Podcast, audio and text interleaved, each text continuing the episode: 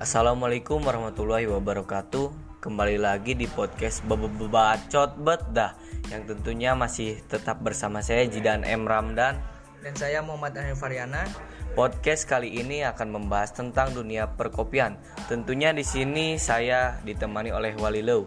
Dia seorang barista di salah satu kopi shop di Kabupaten Kuningan, yaitu Eet Kopi, yang bakalan menjadi narasumber ngebacot kali ini.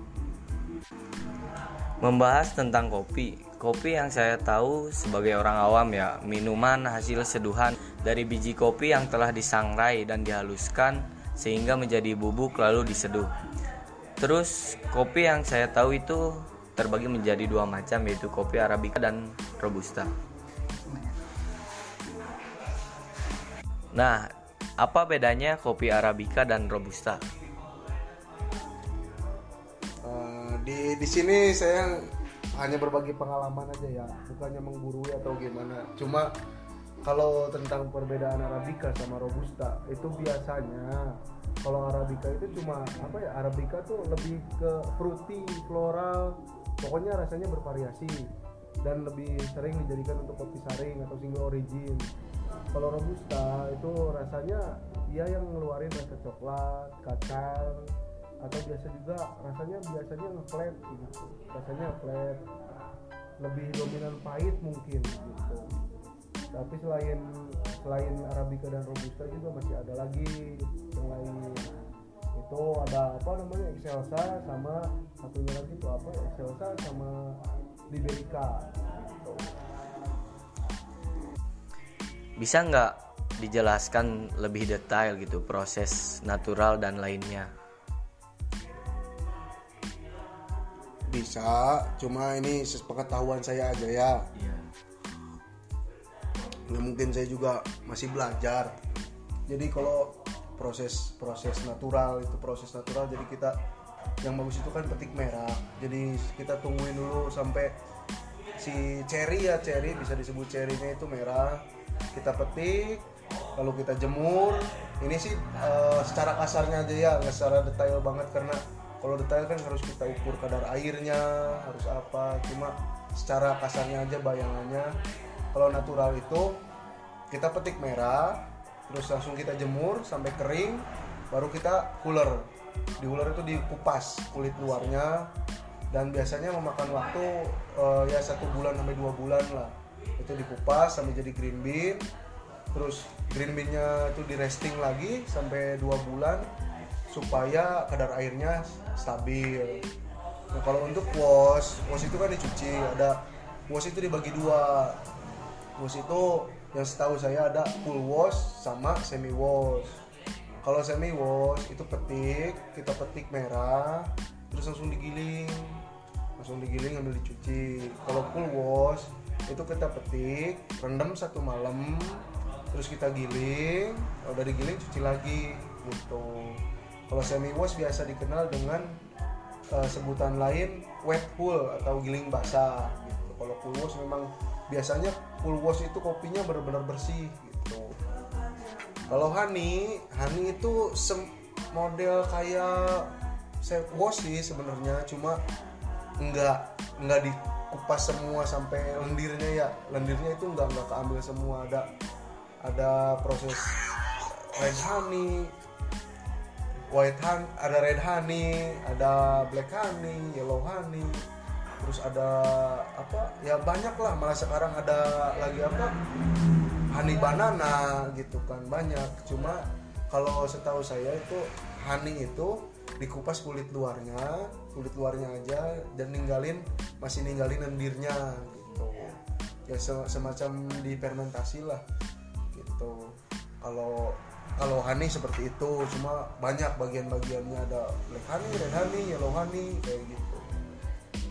Terus kalau wine seperti ya wine pasti identik dengan fermentasi gitu kan. Wine itu kita petik merah sama pokoknya yang bagus itu harus petik merah. Petik merah terus kita simpan kopi itu di dalam wadah plastik atau apa pokoknya kita endapkan selama beberapa bulan baru kita jemur lagi. Karena ada proses fermentasi di situ.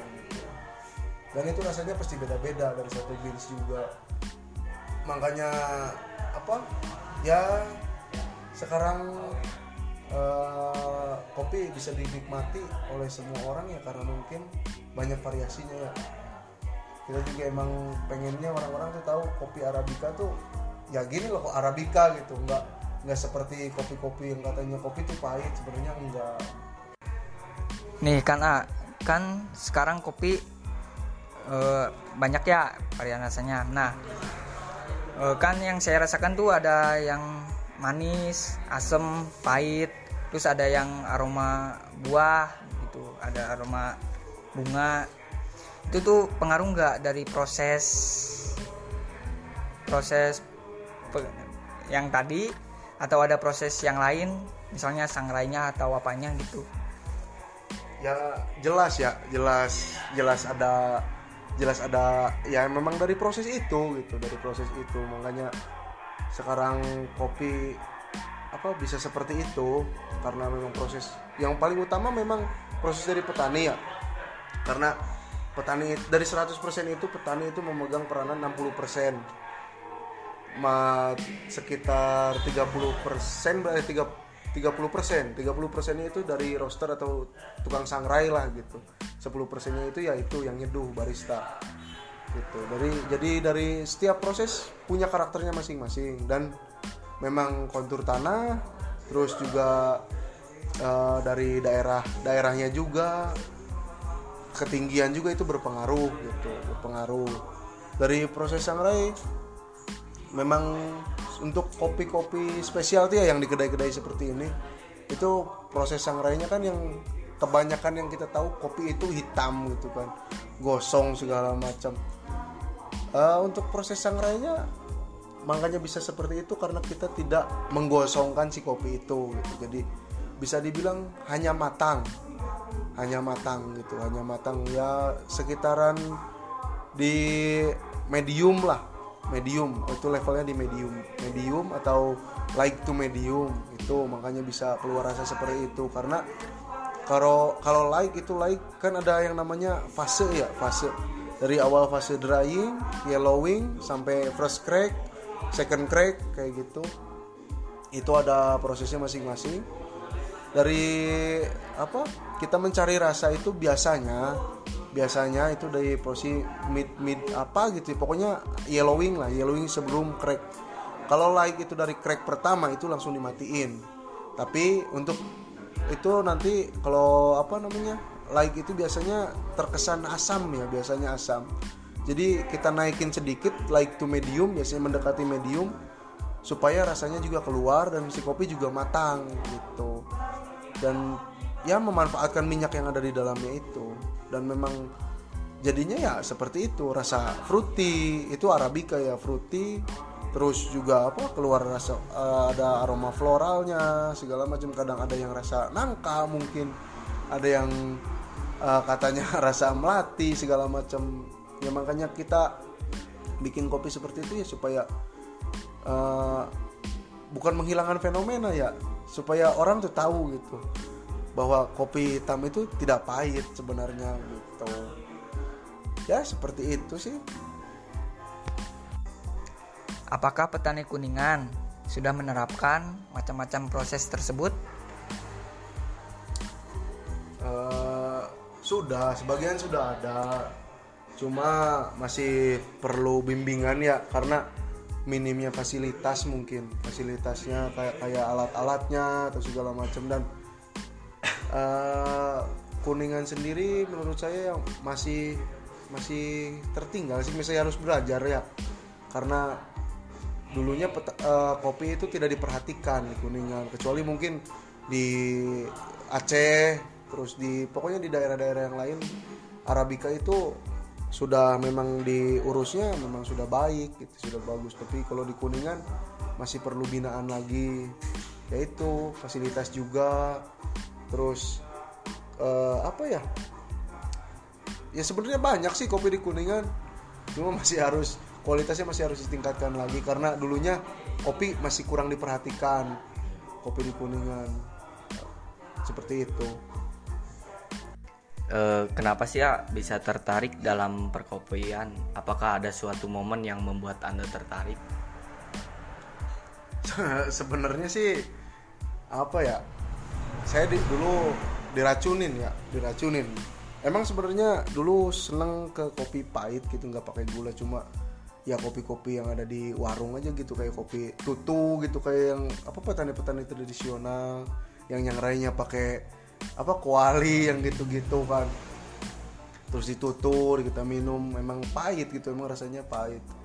Terus eh, tahun berapa tuh ya tahun 2015 ke tahun 16 2016 2016 saya sama teman saya diajak ke ini ke tempat saya sekarang eh, kerja gitu. Tempat saya sekarang kerja ke Earth Kopi. Saya pertama tuh diracunin espresso. Espresso. Espresso diracunin espresso. Jadi ceritanya saya datang bertiga. Sa- saya tuh sebenarnya penasaran tuh sama americano. Karena saya kan kerja di hotel dulu kerja di hotel sering lah familiar sama yang namanya americano. Saya main aman tadinya pesan americano. Tapi kata teman saya udah katanya tuh udah pesen udah kamu yang lain. Oke saya pesen cappuccino. Tapi kata teman saya satunya lagi udah katanya udah pesen. Nanti kamu nyobain aja punya saya katanya gitu. Dan akhirnya saya diarahkanlah ke espresso gitu oke lah espresso. Karena ada permen kan tuh permen espresso? Ada permen espresso. Permen espresso saya pikir manis gitu kan espresso. Begitu dah lah saya pesan espresso. Pertama datang kaget sih kok espresso di dianterin tuh di gelas slok itu yang kecil tuh yang bi- biasa buat? Itulah. Eh, biasa seperti itulah. Heeh. Eh, ditaro sama air segelas gitu kan. Air air satu gelas lah sekitar 200 ml lah air. Saya bingung awalnya ini minumnya gimana gitu kan. Minumnya gimana? Apakah dimasukin ke air terus kita minum? Apa cuma gini doang gitu kan? Lagian kok kopi mahal perasaan sedikit banget gitu kan. Ya namanya juga orang awam ya. Iya. ya udahlah akhirnya nanya ini minumnya gimana? gitu kan. Ya udah diminum di situ kalau ngerasa uh, pahit atau gimana minum air putih. Oh gitu. Oke lah gitu kan. Ya udah akhirnya saya cobain minum sedikit dan dan anjir. Rasa rasa rasanya bener-bener pahit waktu itu bener-bener pahit karena mungkin lidah saya biasa minum yang pakai gula gitu kan bener-bener pahit dan emang kayaknya espresso tuh sarinya gitu ya. Sarinya rasanya tebal banget. Tapi dari situ penasaran saya minum lagi saya minum lagi. Kopi segelas kecil itu tuh kayak segelas gede gitu kan. Kayaknya banyak banget gak habis-habis. Saya minum lagi minum lagi. Di situ mulai eh, sensor lidah saya mulai peka ada rasa manisnya asamnya kok kopi bisa gini ya? Terus aromanya beda gitu aromanya juga beda. Sering lah mulai sering lah mulai sering eh, datang ke kopi gitu pasti pesan espresso espresso espresso. Belum mengenal yang namanya single origin ya. Kita belum mengenal eh, single origin kayak kopi saring. Terus apa ya V60 lah. Umumnya kopi saring itu V60 lah. Kopi, kopi arabica gitu single origin. Belum belum kenal ke situ. Sampai suatu saat saya pulang dari luar kota lah. Dari Cirebon gitu pulang sama teman saya pengen ngopi. Posisi saya belum makan waktu itu belum makan. Terus saya pesen double espresso. Saya minum awalnya sih nggak apa-apa baik-baik aja. Sampai rumah kontraksi lah perut gitu kan. Sampai muntah-muntah akhirnya muntah-muntah karena mungkin keracunan kafein karena belum makan gitu. Tapi tetap itu nggak nggak nggak bikin saya kapok kok. Penasaran gitu kan penasaran. Saya datang lagi lah ke kedai situ ke kedai kopi ini. Datang lagi. Tapi saya nggak pesan espresso karena masih trauma karena saya muntah-muntah. Akhirnya lah saya ngobrol lah sama baristanya. Ah saya pengen ngopi tapi jangan espresso karena saya muntah kemarin. Oh belum makan ya? katanya. Iya belum makan. Sekarang udah makan? Udah ya udah coba kopi arabica. Mulailah saya dikenalin sama arabica. Di arabica itu saya disuruh nyiumin aromanya satu-satu. Kalau nggak salah itu ada tiga toples. Kalau nggak salah ada tiga toples. Kopi kerinci black honey kuntang natural sama gayo wine waktu itu. Saya disuruh ya nyium aromanya satu-satu. Aromanya satu-satu dicium aromanya satu-satu ternyata memang beda gitu. Oh kopi itu kayak gini ya gitu terus saya coba yang black honey waktu itu. Coba ah black honey mau ditubruk apa disaring? katanya. Kalau tubruk udah kebayang lah saya tubruk kayak gitu. Udah saya pengen yang disaring ah cobain. Saring lah. Oh gini ya kopi disaring pasti cium aromanya oh wangi. Gitu. saya cobain dan ternyata emang yang katanya kopinya pahit gitu kata orang-orang kopi hitam tuh pahit gak apalagi nggak pakai gula. Sebenarnya enggak kok gitu nggak pahit malah. Saya rasain yang kerinci black honey itu oh ternyata enak gitu. Ternyata enak. Ternyata enak dan sampai ya sampai sekarang gitu. Saya suka kopi semakin semakin apa saya suka semakin saya explore dan ya akhirnya saya seperti ini gitu. Semakin mendalami kopi sampai sekarang ya udah belajar nyeduh belajar juga roasting sekarang lagi belajar roasting. Ya alhamdulillah gitu. Sampai saya juga punya usaha sekarang jual jual biji kopi gitu kan ya alhamdulillah di situ ketemu mungkin jalannya ya gitu. karena awalnya dari suka terus juga karena suka ngejalanin usahanya juga kak. Jadinya ya nggak ada beban gitu. Gitu aja sih. Kan gini ya kan tadi eh, kata Walilau pertama kali diracunin sama espresso karena espresso katanya e, disajikan di gelas kecil terus ditambah air mineral. Kenapa disajiin seperti itu jadi gimana ya espresso. Kalau espresso kan dia nggak ada mungkin karena sekarang perkembangan zaman ya uh, orang nggak nggak terlalu suka sama kopi pahit mungkin. Dulu tuh yang saya tahu espresso tuh pakai blend ya beansnya beansnya bijinya tuh pakai blend campuran antara arabica sama robusta. Jadi di blend tapi roastingannya dia agak gelap gitu. Dan di press itu kan. Kebetulan di sini pakai alatnya rock presso gitu. Jadi sarinya gitu kan ya sarinya dan disajikan di gelas kecil. Kenapa di gelas kecil dan disediakan air? Karena yang saya tahu sejarahnya dari espresso itu untuk orang-orang yang sibuk. Tapi mungkin pengen ngopi. Orang sibuk lagi sibuk kerja nih pengen ngopi atau lagi mungkin ngantuk atau gimana. Jadi uh, bikin espresso dia minum espresso dan langsung minum air putih itu gitu air mineral itu. Jadi asupan kafein tetap masuk tapi tidak membuang waktu lama gitu. Makanya adalah espresso gitu. Makanya disebut espresso ya seperti itu karena di press. Terus memang disediakan di gelas kecil ya untuk orang yang sibuk lah gitu. Buru-buru nggak sempet ngopi lama nyantai gitu kalau kopi saring atau yang sering disebut fisik itu bagaimana cara penyeduhannya? Ya kalau nyeduh sih ya banyak ya metodenya. Kalau kopi saring itu kan nggak sebenarnya nggak cuma P60 aja. Ada yang pakai kertas wave yang kayak kertas bolu kukus yang kecil-kecil tuh ada juga flat bottom gitu bawahnya flat gitu. Cuma kalau untuk cara penyeduhannya ya e, biasanya pakai beansnya sih arabica. Cuma kalau robusta juga ya nggak masalah sih sebenarnya ya. Nggak masalah semua bisa kok disaring bebas. Kalau cara pembuatannya ya kita pakai green size kita giling kopi dulu.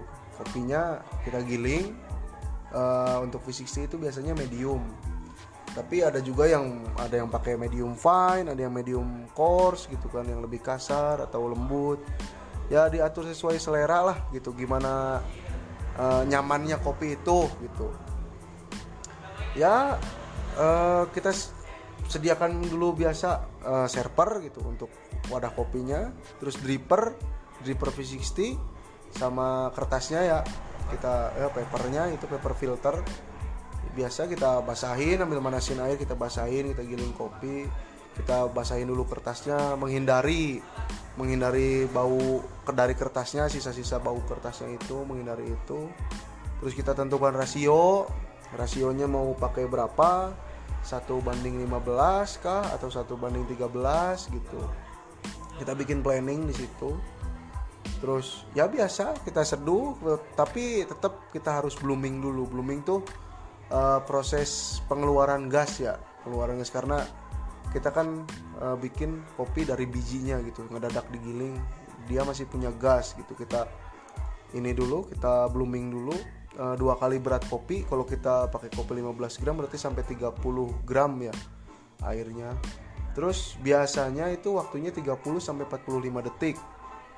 Setelah blooming baru kita puring isi air. Uh, misalnya kita pakai rasio 1 banding 13 berarti uh, total keseluruhannya dari kopi 15 gram itu 195 195 gram. Berarti udah diambil 30 gram untuk blooming. Sisanya ya kita mau dibagi berapa kali puring? Dua kali kah? Atau tiga kali kah? Pokoknya uh, patokannya ya sampai 195 itu gitu. Terus biasanya air yang terakhir surut itu surut jangan sampai uh, surut semua gitu kering. Karena katanya itu bisa menimbulkan sepet ya apa sepet ngeganggu lah gitu after testnya sepet. Ini memang yang saya rasakan pun seperti itu gitu. Jadi ya udah setelah itu kita angkat dan tetap harus diaduk. Di server itu kita harus uh, diputer-puter lah diaduk gitu supaya kopi nyampur gitu. Karena tetap misah dia misah setelah diaduk dipain dulu sama kita. Apakah rasanya terlalu tebal kah? Atau uh, terlalu watery? Atau gimana gitu? Watery kelebihan banyak air atau gimana? Kalau untuk sendiri nggak masalah. Tapi kan kalau kita untuk nyajikan ke pelanggan masalah enak enggaknya kan itu relatif. Tapi kita usahakan bikin senyaman mungkin. Kopi itu untuk bisa diterima oleh si yang minum itu gitu untuk si pelanggan itu itu aja sih. Sebenarnya di kopi ada standar standarnya ada. Cuma kalau saya sih orangnya eksperimental gitu. eksperimental. Coba-coba aja lah. Dari sebenarnya dari dari suhu berpengaruh suhu dari air mineral yang digunakan juga berpengaruh. Dari green size semuanya berpengaruh sih. Kita coba-coba aja cuma standar-standarnya ada banyak lah di buku. Bisa baca-baca banyak orang ya ya pengalamannya nanti pakai green size segini pakai suhu segini hasilnya gimana? Pasti ada. Nyeduh kopi gampang sebenarnya nyeduh kopi ya tinggal ya udah kita giling kopi masukin ke paper filter kita seduh gitu. Udah beres gitu tentuin rasio. Cuma yang agak sulit itu mengeluarkan rasa dan karakter kopinya gitu. Makanya harus kalau saya sih ya saya eksperimental gitu eksperimen. Dan yang paling utama setelah kalau ada kopi baru datang gitu, baru kopi baru datang kita harus cobain dulu atau istilah lainnya cupping lah. Kita kayak semacam kita bikin tubruk gitu. Kita cupping pokoknya kita cupping dulu. Nanti kita bikin planning bahwa kopi ini tuh enaknya dibikin gimana ya gitu. Enaknya kalau misalnya di V60 ini pakai green size gimana gitu. Pakai rasionya berapa kayak gitu. Tapi kalau memang kopinya enak ya gimana pun enak gitu. Kalau kopi enak pasti di gimana pun enak. Makanya ya kita masih berusaha lah mengenalkan kopi hitam untuk nggak hanya kaum milenial ya untuk masyarakat gitu. Dan karena memang kopi nggak nggak nggak apa ya nggak ngeracunin kok gitu nggak emang nggak pahit kok cuma pengen membuktikan itu nggak pahit kok kopi hitam tuh nggak pahit. Bisa dinikmati kok tapi ya kita nggak bisa memaksakan juga nggak bagi yang nggak suka kopi nggak nggak masalah sih cuma uh, kita dukunglah petani-petani arabica yang udah berjuang gitu kan yang udah berjuang ya supaya bikin kopi itu enak gitu yang proses mereka memproses kopi itu dengan sedemikian rupa gitu. Proses kopi arabica. Supaya rasanya enak supaya rasanya nyaman gitu diminum. Ya pengennya sih orang-orang uh, bisa nerima lah kopi arabica ya khususnya di kuningan gitu. Ya gitu aja sih proses. Nah jadi sekarang harapan wali wali low lah. Ya wali low perkopian di kuningan harapan ke depannya gimana? Ya harapannya sih uh, semakin banyak masyarakat ya masyarakat bisa uh, menerima gitu. Menerima atau apa ya bahasanya? Enaknya apa ya? Intinya bisa bisa uh, berani lah untuk nyoba kopi hitam gitu. Karena kopi hitam itu nggak pahit kok gitu. Walaupun ya di kuningan lagi ada apa ya fenomena. Ini apa kopi susu kan sekarang. Yang kita nggak eh, nggak nggak nggak menyalahkan juga sih ya. Memang memang nggak bisa memaksakan gitu. Memaksakan orang supaya minum kopi hitam gitu. Cuma ya balik lagi eh, pengen ngebantu inilah petani arabica gitu. Petani arabica.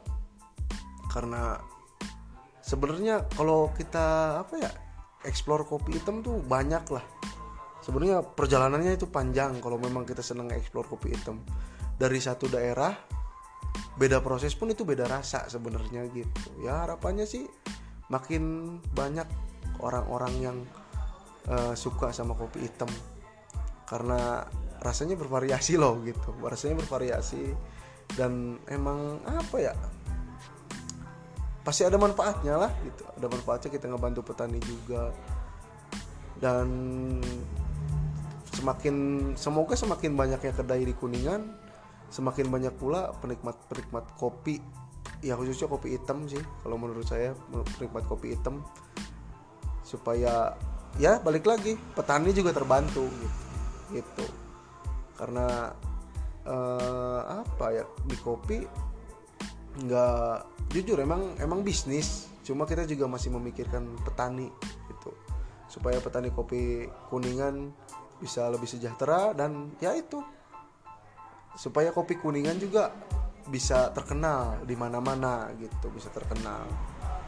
Kalau bukan orang kuningannya sendiri ya mau siapa lagi gitu kan. Gitu. Udah sih itu aja mungkin harapannya. Itu aja